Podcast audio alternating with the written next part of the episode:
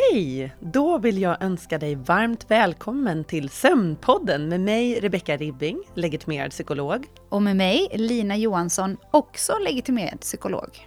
Vi jobbar på Learning to Sleep som är en digital sömnmottagning där vi behandlar sömnproblem med kognitiv beteendeterapi. Med vår podd vill vi prata om allt som har med sömn att göra. Eh, man kan tro att sömn är ett snävt ämne, men icke. Det finns ett hav av ämnen som rör sömnen. Stress, läkemedel, parasomnier, drömmar, humör, prestation, men även vad som händer med sömnen när det är fullmåne. Podden är för alla som vill lära sig mer om sömn. Och idag ska vi prata om sömn, stress och utmattning. Och jag kommer även sen prata med eh, Nathalie Sonvieri som kommer att berätta om hennes egen resa med utmattning.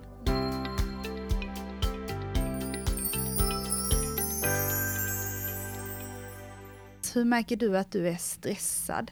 Ja, ja, hur jag märker att jag är stressad, det, det kan ju vara om det, det händer för mycket saker och jag tar på mig alldeles för mycket och jag är lite perfektionistisk. Eh, och, mm. och, till slut så kan det ju bli att jag bara börjar känna, åh nej, nu är jag helt slut i kroppen men jag har inte gjort så mycket med den. Jag bara blir trött och jag tappar minnet och koncentrationen och ja, det, det känns lite överallt. Och ibland kan jag få sådana här eh, fysiska symptom uh -huh. också. Så att det var någon gång jag vaknade av att min käke, den hade liksom spärrats. Så jag kunde inte öppna munnen. Nej, vad obehagligt. Det var verkligen så här stresskäks spärr. Liksom. Hur är det för dig? Jag får väl blotta mig lite här. Jag är ju psykolog, men jag tycker ändå att stressen på mm. mig mest ger sig uttryck i form av eh, liksom självkritik, mm. eh, oro, mm. nedstämdhet. Jag kan bli väldigt liksom ångestladdad, alltså, och, och, då ska man ju komma ihåg att ångest är liksom väldigt mycket en fysiologisk reaktion, alltså mm. tryck över bröstet, eh, liksom snabba hjärtslag med viss liksom oregelbundenhet ibland, alltså bara ett generellt liksom obehag i kroppen kroppen som mm. också sätter igång väldigt mycket ja, men negativa tankar mm. och ofta präglas det ju av självkritik. Jag är ju liksom en mm. sån där människa som bygger upp mycket av min självbild på prestation. Mm. Så om jag upplever att jag inte har presterat på topp, eh, så, eh, vilket, vilket man ju oftast inte gör när man är stressad, eh, då, då sätter det här igång. Liksom. Så det blir en ond spiral många gånger att eh, jag är lite stressad för att jag har viktiga saker jag behöver göra och kanske lite för många viktiga saker mm. samtidigt. Och så vill jag väldigt gärna prestera och så blir jag lite stressad över det. Och sen upplever jag kanske inte alltid att jag presterar på topp och då blir det liksom som att stressen följer med mm. hem. Mm. Och vad, och vad händer då med, med egentligen stress? Vad händer i kroppen? Man kan väl säga att det som händer i kroppen är ju eh, att vår, vår, vår hjärna och vår kropp är ju, kan man säga, förprogrammerade för att re reagera väldigt starkt på sånt som uppfattas som ett hot. Eh, och det handlar ju om att stressen i grund och botten har ju en funktion för oss. Den ska skydda oss och hjälpa oss att mobilisera kraft och energi när vi står inför en, en farlig eller hotfull situation. Alltså helt när enkelt. vi var cave women och cavemen där bak i tiden. Mm. Exakt, man brukar prata om mm. den här fight och flight reaktionen, alltså att när vi står inför ett hot så ska vi mobilisera kraft för att antingen eh, slåss, alltså fightas mm. med det där hotet som på stenåldern kanske var en mm. björn eller ett lejon om man bodde på savannen. Mm. Eh, eller så ska man liksom fly. Eh, och, och, man kan säga att även om vi idag lever i ett eh, liksom, välutvecklat samhälle och det har gått väldigt, väldigt många tusentals år sedan vi bodde på savannen eller grottorna mm. så är ju faktiskt vår hjärna eh, nästan identisk med hur den såg ut då. Så det har inte hänt så mycket där, vilket betyder att den här stressresponsen funkar på precis samma sätt. Det är bara det att idag finns kanske inte de där omedelbara faktiska hoten mm. i form av ett vilt djur. Men det finns andra typer av hot, som, eller åtminstone saker som vår hjärna tolkar som ett hot, till exempel när chefen kommer in till dig och ber dig hålla den där presentationen med kort varsel, där du känner att ah, jag kommer inte klara det här, det är för kort tid för att hinna förbereda mig. Det räcker, liksom, det är någonting som hjärnan tolkar som ett hot. När de yttre kraven som ställs på dig upplevs liksom för stora i relation till vad du tänker att du har förmåga att eh, bemöta helt enkelt. Då blir vi stressade. Eh, och rent fysiologiskt, liksom i kroppen så är det ju så att eh, pulsen ökar, hjärtat börjar slå snabbare för att vi ska liksom få ut eh, eh, energi till de stora muskelgrupperna så att vi ska kunna fightas eller fly från situationen. Ehm, och det betyder också att andra system i kroppen som inte är lika nödvändiga för vår direkta överlevnad, typ matsmältningen och andra system, de eh, trycks ner liksom, mm. till förmån för de här andra systemen i kroppen som ska liksom, hjälpa oss att mobilisera kraft. Så det är en ganska stor kraftansträngning för både kroppen och hjärnan att vara i en sån här stressreaktion kan man ju säga. Så att den är ju inte tänkt att vara så länge. Den ska liksom kicka igång, den ska ge oss kraft och energi kortsiktigt för att liksom lösa den här hotfulla situationen. Och sen är ju tanken att vi ska liksom komma ner i varv ganska snabbt och att balansen i kroppen ska återställas. Och det är ju inte alltid så lätt när Nej. det känns som konstanta krav hela tiden. Ja. Eh, så då, då, tänker jag mig att det är väl det som händer då i längden om man hela tiden upplever den här stressen. Ja. Eh, att man, att man, ja det blir ju en, en långvarig stress, en negativ långvarig stress på kroppen. Eh, och det har ju väldigt mycket med hur det blir utmattning till slut. Ja men exakt, det. Mm. det. är ju, för oss idag så är det ju så att vi kanske går från en stresssituation, vilket är arbetet då, där det ställs en massa krav. Och så kliver vi direkt från det in i en hemsituation där det också ställs krav. Det ska hinnas handlas och lagas mat och barnen ska skjutsas till aktiviteter och det ska, finns en förväntan om att du ska vara social och alla de här sakerna som, som kan upplevas som, som liksom krav krav och hot där vi känner att så här, jag räcker inte till. Det där är en klassisk eh, hotsituation för vår hjärna. Jag klarar inte det här, jag räcker inte till. Då blir vi stressade. Så för oss människor idag så kan man säga att den där, för en del personer i alla fall, så, så är ju den där stressresponsen konstant aktiv. Och det är ju väldigt slitsamt för kroppen kroppen. Eh, jag, vill, jag vill ändå nämna det, för det är mm, viktigt mm. att stressen i sig och stressresponsen är ju inte farlig. Mm. Den finns där av en anledning och den finns där för att hjälpa oss och för att skydda oss. Eh, och i vissa situationer behöver vi lite stress för att bli extra skärpta och eh, kunna prestera optimalt. Så lite stress och stress i rätt situationer är hälsosamt och bra. Problemet är ju när vi inte får möjlighet att gå ner i varv, att när vi inte får den där återhämtningen och stressen finns kvar i höga nivåer över en längre period, då kan den där stressen börja bli skadlig. Och det, det mm. är ju det vi ska prata mer om idag, för eh, resultatet av det kan ju bli utmattningssyndrom. Och hur mm. märker man då, alltså, om, om jag då börjar bli väldigt stressad, eh, hur märker jag först att det börjar gå över till en utmattning? Vad, vad är de liksom indikatorerna på mm. det? Man kan säga att det är ett av de absolut tydligaste varningstecknen på eh, en begynnande utmattning är ju sömnproblem. Och det känner du säkert igen Rebecka från de personerna vi arbetar med. Att många berättar att men, jag hade jättemycket stress, jag hade så mycket att göra men allting funkade ändå så länge jag sov. Mm, Okej, okay, då fick jag min återhämtning.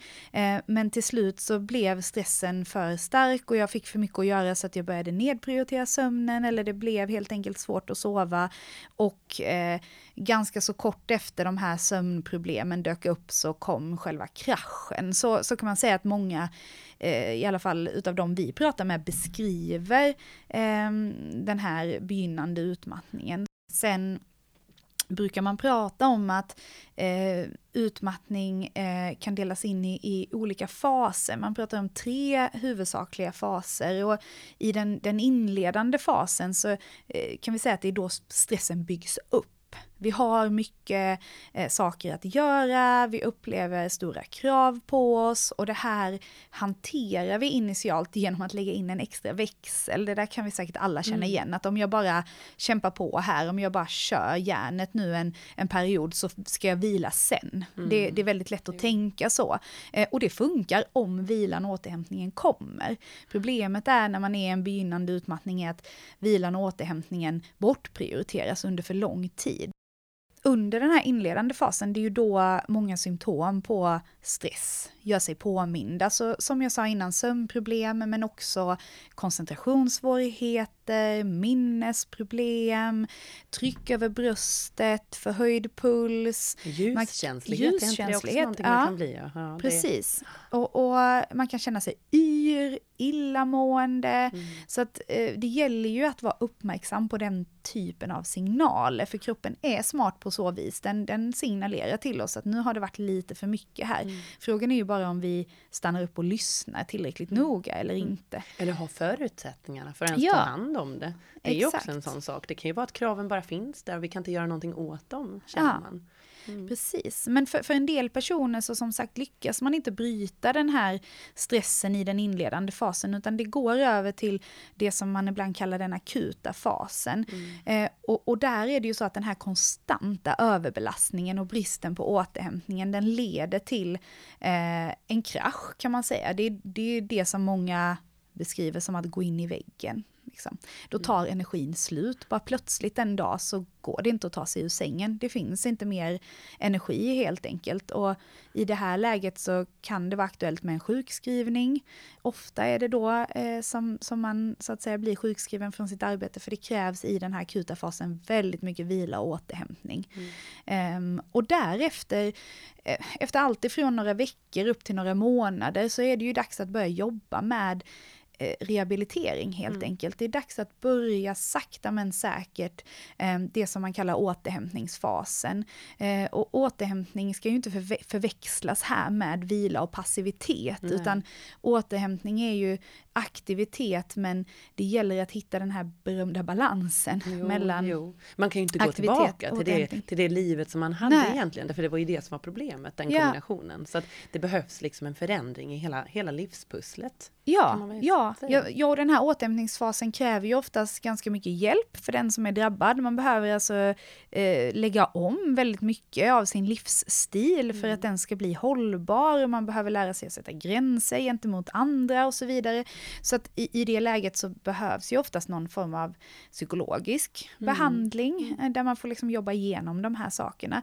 Och eh, finns det sömnproblem kvar i den här fasen, eh, då skulle jag definitivt säga att det också är någonting som behöver tas om hand om. För eh, som, vi, som vi har nämnt tidigare i den här podden så kan ju sömnproblem leva lite grann sitt eget liv och har de väl befäst sig så är det inte nödvändigtvis så att bara för att stressen försvinner och man blir sjukskriven att, eh, att man automatiskt sover bättre, utan det kan ha blivit ett inlärt mönster som ligger kvar. Och då behöver ju det också tas om hand om och man behöver få hjälp till en bättre sömn för att fungera på mm. sikt. Det låter ju som att återhämtning är det viktigaste vi kan göra för oss. Ja, ja men det är ju helt sant. Många mm. gånger fastnar vi i att prata om stress och att vi måste till varje pris göra oss av med den här stressen. Och det är klart att vi behöver se över vad som stressar oss och eh, kanske plocka bort sådana saker som vi kan plocka bort. Men mm så länge vi får ordentligt med återhämtning så är ju inte stressen farlig.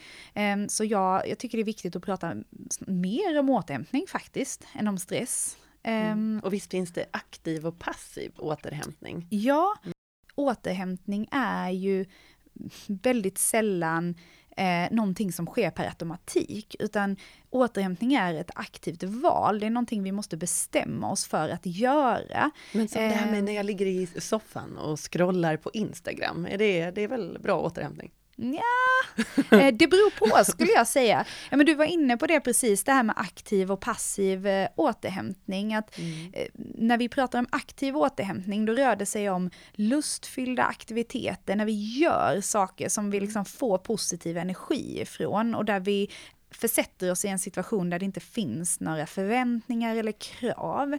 Och vad det kan vara är ju högst individuellt. För, för någon så kanske det är att ta en fika med en gammal vän. För någon annan är det att åka ut och promenera i skogen utan liksom, några andra människor omkring sig. Det beror ju på. Men det handlar alltså om att göra någonting. Mm. Eh, sen har vi passiv återhämtning som ju är när vi fokuserar lite mer på vila för kroppen och hjärnan. Och här tänker jag att vi många gånger begå misstaget att tänka att vi får återhämtning när vi slänger oss i soffan och lite mm. slentrianmässigt plocka fram mobilen och scrolla sociala medier. Det är ju återhämtning för kroppen. Vi ligger där och det är ganska skönt och, och, och vi vilar. Men eh, allt det som vi tar del av när vi scrollar på mobilen, på sociala mo medier och eh, nyheter och allt vad det kan vara vi vill liksom ta del av på mobilen. De sakerna triggar väldigt mycket hjärnaktivitet och kan sätta igång ganska starka känslomässiga reaktioner ibland. Du kanske ligger där i soffan, du har haft en dålig dag och så ser du på Instagram att liksom eh, folk har roligt och härligt och kanske befinner sig på någon kritvit sandstrand någonstans och så börjar du tänka liksom att ah, varför är mitt liv så tråkigt? Och, ja, så, så det är ju inte bara det att de här sociala medierna är framtagna för att trigga igång vår hjärna. Det ska vara härligt, det ska vara svårt att sluta.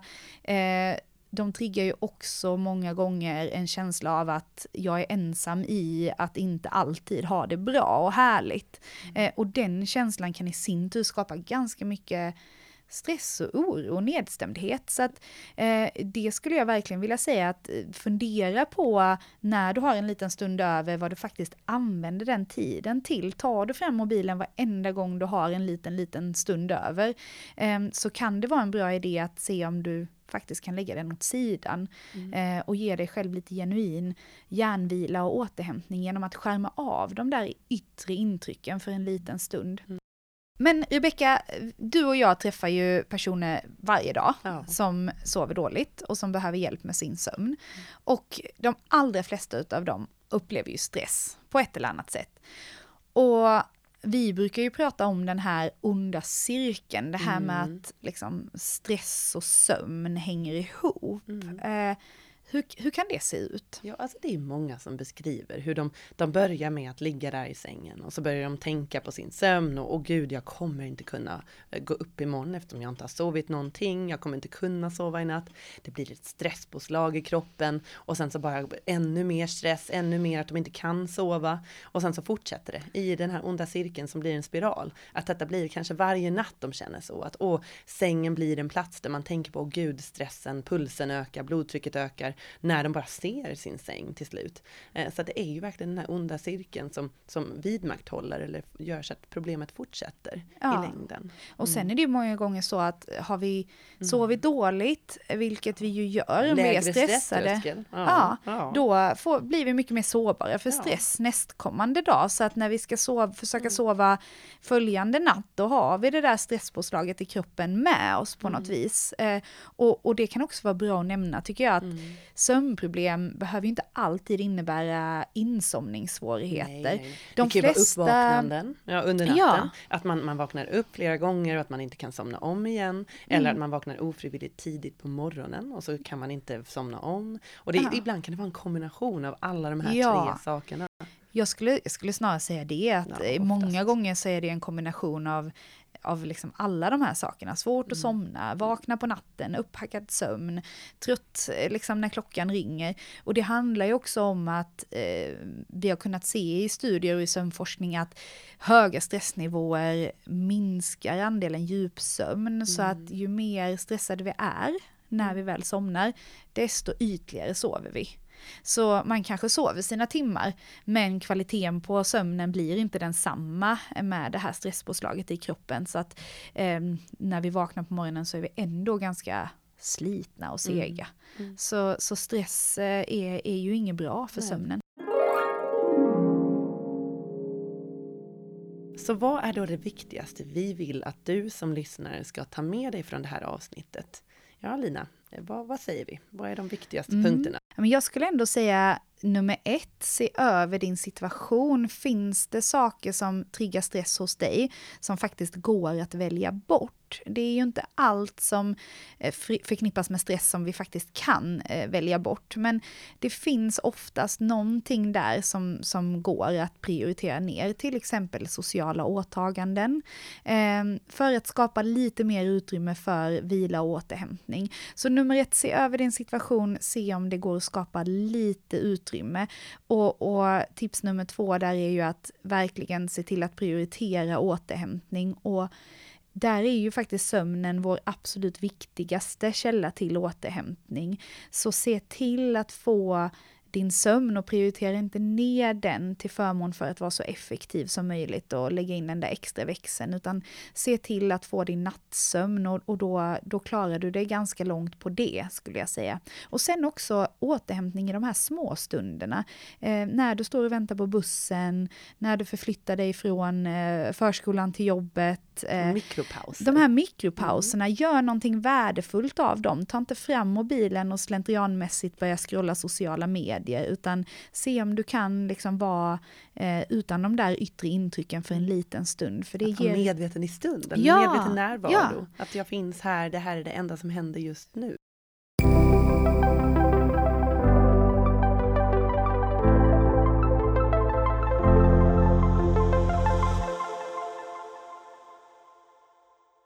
Nu vill jag välkomna Nathalie Suro. Tack att du är här idag. Tack så jättemycket för att jag får vara här. Mm. Ja, och för de som inte känner till dig, våra lyssnare och så, eh, berätta lite om dig själv. Så som sagt, jag heter Nathalie, jag är 30 år gammal från Göteborg. Eh, jag är serieentreprenör. Eh, jag har startat Sveriges största community för kvinnor och icke-binära som lider av stressrelaterad psykisk mm. ohälsa, Stressgäris.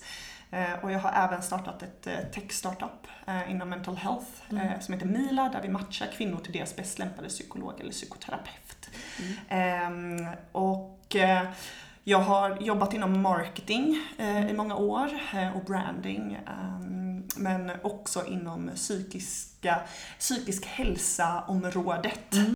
Vi pratar ju i det här poddavsnittet handlar ju väldigt mycket om utmattning och stressrelaterad problematik. Eh, och jag vill gärna höra om din resa med utmattning. Som sagt, jag har jobbat med marknadsföring och jag fick en marknadschefsroll när jag var ska vi säga, 24-25 år. Um, och detta var ju väldigt, väldigt spännande. Eh, mm. Och det var på ett startup och jag skulle ta hand om väldigt mycket saker och liknande. Och tyvärr så efter ett år så hade jag gått in i väggen. Mm. Um, det var en det var en kombination av eh, du vet, organisatoriska förutsättningar som inte riktigt var hållbara. Mm. Um, Eh, och också en kombination med mina, vem jag var. Eh, mm. Den klassiska duktiga flickan, mm. Eh, superambitiös, förstod inte vad återhämtning var, hur det ens, varför det var viktigt. Mm. Och det var lite för höga krav från mig själv, men också från omvärlden tyckte jag. Och, och där så, ja det blev inte bra helt enkelt. Jag gick in i väggen, var sjuk, skriven i ungefär ett år, mm. lite mer. Och sen så tog det mig ungefär tre år att komma upp på benen igen. Eh, och känna på något sätt att jag är Nathalie igen. Mm. En lite hälsosammare, snällare version av mig själv, absolut. Man har lärt sig väldigt mycket eh, efter att ha gått igenom en utmattning. Eh, men ja, det, mm. Det var jag. Och det var, var där också när jag, 2016 då, att jag startade upp Stressgaris okay. för att jag kände mig väldigt ensam i det hela. Mm. Eh, och så fort man börjar snacka om att ja, men jag gick in i väggen, då börjar väldigt många människor bara, men jag har nästan också, jag har också varit där, eller mm. jag gick nästan också in i väggen. Och, och så fort man börjar prata om det mm. så öppnas dörrar upp och då startade jag också då communityt. Eh, för som sagt, ens, eller så här, ensam är inte starkast.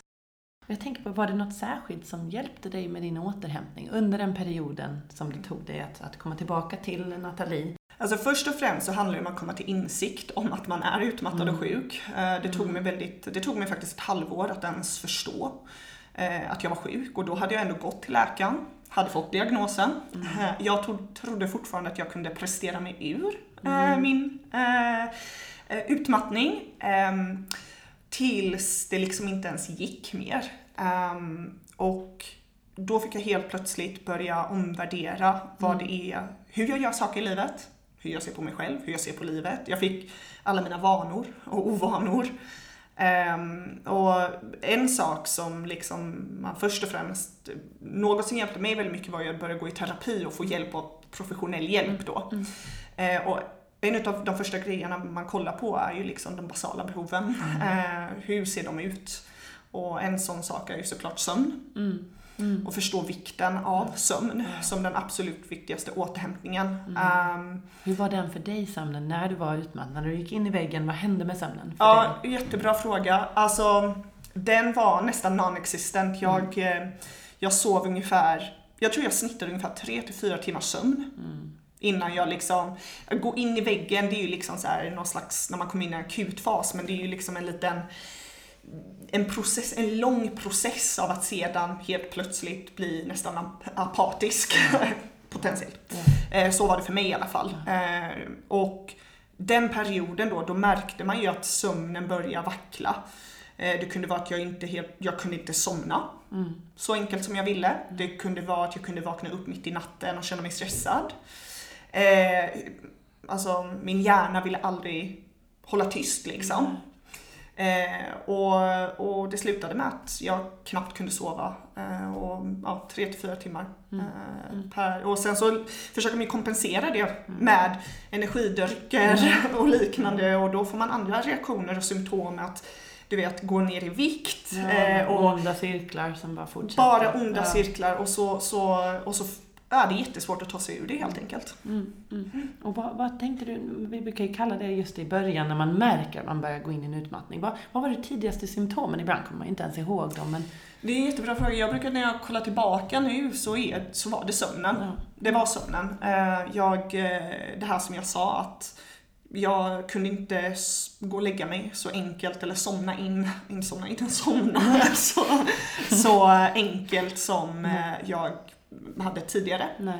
Eh, Men också att jag vaknade upp under natten och detta kan ju, jag vet ju nu att detta kan ju se lite ut, olika ut för Ja. olika personer. Såklart, vissa sover till och med mer. Jo, jo. Eh, För mig var det att jag sov mindre. Men det, Men sen så var det också saker som liksom aptit, jag började tappa hår, jag Mm. gick ner mycket i vikt som sagt, jag, jag började få eksem, jag fick panik och ångestattacker, jag kunde gå hem från jobbet och gråta utan att förstå varför jag gjorde det. mm, Eh, och hade svårt att ta tag i vissa saker mm. när jag eh, antingen var super, super stressad och liksom var i något slags f- superfocus mode eh, eller så var det liksom att man var helt apatisk. Ja. Det fanns liksom inget mittemellan. Hur har du ställt om ditt liv idag just för att se till så att det kanske inte händer igen? Ja, det är ju jättevanligt att man som är utmattad eh, faktiskt eh, blir utmattad igen för att eh, vi är mer stress, vi är inte lika stresståliga längre. Vi, eh, vi, vi måste vara mer medvetna som ex-utmattade. Eh, Jag har gjort jätte, jättemånga förändringar Mm. i mitt liv. Mm. Mm. En av sakerna är att, som sagt, basala behoven. At Mm. the end of the day, vi är djur. Ja, ja. så, så simpelt är det. Vi har vissa basala behov som måste Mm. uppfyllas Mm. eh, och jag försöker att eh, hela tiden tänka på dem. Och ett av dem är ju då såklart sömnen, men det är också näringsrik mat, det är motion, Mm. eh, det är socialt umgänge som ger energi, som inte tar energi. Jag har lärt mig gränssättningar. Mm. Eh, Ja, det är tufft. Den är tuff. den är svår. Den är, Ja. den är jättesvår. Det är många timmars terapi alltså. Mm. Eh, Det är, eh, och liksom mot, både mot olika stakeholders Mm. i mitt liv helt enkelt. Och det är tufft att sätta dem också kanske mot sin familj, Ja. mot sin partner, men också mot sig själv. Mm. Och, säga, och lära sig också vad man, att det finns en skillnad mellan vad jag vill göra, Mm. men vad jag har behov av att göra. Eh, många gånger är det två, två olika saker. Eh, och det har lärt mig, ehm, eller den där distinktionen eh, har jag fått lära mig och det har hjälpt mig också i livet. Att ja, men just nu, ja, jag hade jättegärna velat gå ut och du vet, träffa alla mina vänner och vara ute till två på natten. Men jag har faktiskt ett behov Mm. efter den här veckan, arbetsveckan, att kanske bara sitta hemma, ta det lugnt, slappna av, dricka ett glas vin själv eller inte. Nej. Och så sova ut. Eh, nu, jag, jag är en bebis, jag sover nio timmar per natt och det är de timmarna jag behöver för att må bra. Så är det. Jag tar det väldigt, väldigt viktigt. Min sömn är superviktig och jag älskar att sova just nu. Det måste vara så svårt med alla kraven också. Att, att det, det här med att gå ut och ta ett glas vin, att man måste vara social. Det finns ju den här perfekta och prestation och, och, och bilden av en människa och vad en lyckad människa ska göra. Och, Absolut, och speciellt som, jag är ju 30 år liksom och det här, eh, och speciellt som ung kvinna. mm. eh, har vi otrolig press på oss när det kommer till hur vi ska vara. Speciellt om du är ung kvinna och ambitiös kvinna och Mm. Då finns det liksom en förväntning från samhället eh, av vad det innebär liksom. Eh, och nu när jag är entreprenör igen och startade upp mitt bolag eh, med Mila då Mm. så fick jag ta nästan liksom en liten, ett snack med mig själv Mm. av att okej men det här okej, okay, om du ska göra det här mm. så måste, måste det vara vissa saker som du säger nej till. För att först och främst måste du må bra Nathalie, för att du ska klara av att göra ditt arbete. Om det är så viktigt för dig att starta upp det här bolaget. Um, jag brukar säga till folk att vi, vi, vi lever i en värld där vi vill ha 100% av allting. Mm. Varje kategori av allting, eller av ja, livet, ska vara 100%. Um, och där måste man lära sig att det är inte möjligt. Nej. Du kan inte trycka in, ha världens eh, snyggaste, mest fit eh, kropp mm. Eh, och gå och träna sex gånger i veckan samtidigt som du är världens bästa mamma, samtidigt som du ska laga mat varje dag, samtidigt som du ska vara bra på jobbet och samtidigt som du ska vara snygg mm. och samtidigt vara up to date med vad som händer i världen liksom. Ja. Och en bra vän och flickvän eller partner, vad du nu kan. The list goes on. Ja, ja precis. Det, man, måste, man måste vara snäll mot sig själv mm. och välja ut vissa saker som det här ska jag koncentrera mig på nu i livet. Ja. Och det här kan vänta. Så länge man bara uppfyller sina basala behov, ja, brukar jag säga. Ja, ja. Så att sömnen var ju ett av dem. Precis. Var det något mer som du kanske upptäckte sen som blev någonting som du kunde få njutning av? 100 procent. Mm. Um, mm. En annan sak, jag, jag ser att det här är ett basalt behov också, det är naturen. Uh, naturen har lugnande effekter. Uh, vi är väldigt disconnected mm. med naturen. Uh, så där var det någonting, när jag var yngre så var det ju någonting som jag älskade att vara i. Jag brukade kampa med min pappa, jag brukade så här, och sen blir man äldre och så kommer man bort från det, speciellt om man bor i en storstad. Mm. Eh, och jag har liksom hittat tillbaka till det eh, av att bara njuta mm. där.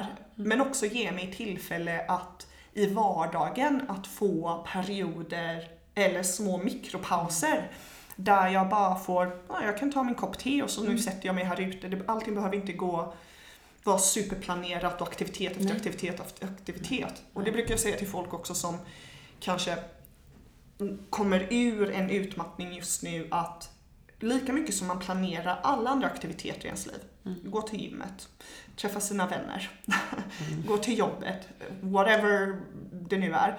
Planera då in också din vila. Mm. Jag gjorde så när jag försökte liksom lära mig nya vanor att jag faktiskt planerade in två timmars vila mm. två gånger i veckan. Och det innebar att när den timman kom, eller de mm. två timmarna kom då, då skulle jag bara känna efter vad är det jag vill göra nu. Mm. Mm. Vad är det liksom så här, just nu, idag, den här tisdagen, mm. klockan fyra, vad känner jag för att göra? Och det fick inte vara prestation, det fick inte vara jobb, det fick inte vara gå till gymmet, det var, du vet, ja men jag kanske lägger mig och kollar på trash-tv. Ja. Eller jag kanske tar ett bad. Ja. Eller jag kanske bara tar en lugn promenad i skogen. Alltså, mm. Men ingenting där jag skulle lära mig någonting. Ingenting jag skulle prestera någonting. Mm. Ehm, och det där är liksom någonting att planera in sin vila, planera in sin återhämtning men också då, man kan ju också planera in sin sömn. Ja. det här med semestern, att det är också en sån stressfaktor mm. för många människor. Att de måste planera in hur många aktiviteter som helst. Om, om många aktiviteter de kanske inte ens vill göra. Exakt. Det är bara måsten. Precis. Och, och planera in då ledig tid istället, eller tid du inte har någonting att göra. Precis, där du får lite den här eh, möjligheten att bara vara i nuet och bara mm. känna efter lite istället ja. för att bara gå från en sak till en annan, till nästa, till tredje, till fjärde mm. och så vidare. Okej okay, Nathalie, men vad är då dina bästa tips och råd till stressade personer? Personer som känner att nej, nu börjar det bli för mycket för mig. Eh, först och främst så tycker jag att man ska ta sig själv på allvar och dessa symptom. Alltså, det är en väldigt normal reaktion. Eh, kroppen visar väldigt normala reaktioner på en sjuk situation. Mm. Och du måste ta de symptomen på allvar. För ut, det måste man komma ihåg som är utmattning är att eh, det finns mildare utmattningar och värre utmattningar. Så det är inte en slags utmattning. Så du kan faktiskt stoppa det. Mm. Eh, eller eh, ja, minska skadan, mm. mm. eh, rättare sagt. Så först och främst så måste man verkligen ta sig själv på allvar och de här symptomen. Eh, sen skulle jag säga håll koll på de här basala behoven. Vad, uppfyller du alla dessa? Mm. Hur är din sömn? Hur äter du? Mm. Gör du fler måsten än vad det finns viljor liksom? Gör en liten check på ditt liv och hur det ser ut. Ett tredje tips är ta professionell hjälp. Mm. Men också hjälp och stöd, försök få hjälp och stöd av din arbetsgivare. Det finns, eh, svensk lagstiftning säger att arbetsgivaren ska finnas där eh, och hjälpa till eh, och se till att du mår bra på mm. Så oavsett om det är HR du ska prata med eller närmsta chef, prata med din arbetsgivare, prata med din familj mm. om läget. Detta är jättesvårt och jag vet det när jag säger detta. Det är väldigt, väldigt svårt för människor att göra detta. Och gå till då en läkare också för att kanske få en initial sjukskrivning så att du får en viss paus i alla fall så att du kan distansera dig lite och bara ta ett steg i taget. Eh, och sen eh, om möjlighet finns då, prata då kanske med en psykolog mm. Eller en psykoterapeut som kan hjälpa dig att implementera dessa nya eh, vanor mm. eh, så att du kan skapa dig en mer eh, hållbar situation helt mm. enkelt. Men då, då vill jag bara tacka dig Nathalie, verkligen supergivande insikter jag har fått och säkert våra lyssnare definitivt. Tack så jättemycket för att jag fick vara här, det var jätteroligt och är det så att någon sitter där och lyssnar och skulle vilja eh, veta vart man hittar Stressgaris så, så finns vi på Facebook. Eh, det är bara att söka på Stressgaris och söker man efter eh, någon hjälp när det kommer som psykolog eller psykoterapeut mer än sömn så finns vi på Mila mm. och vi stavas M-E-E-L-A. Thank you.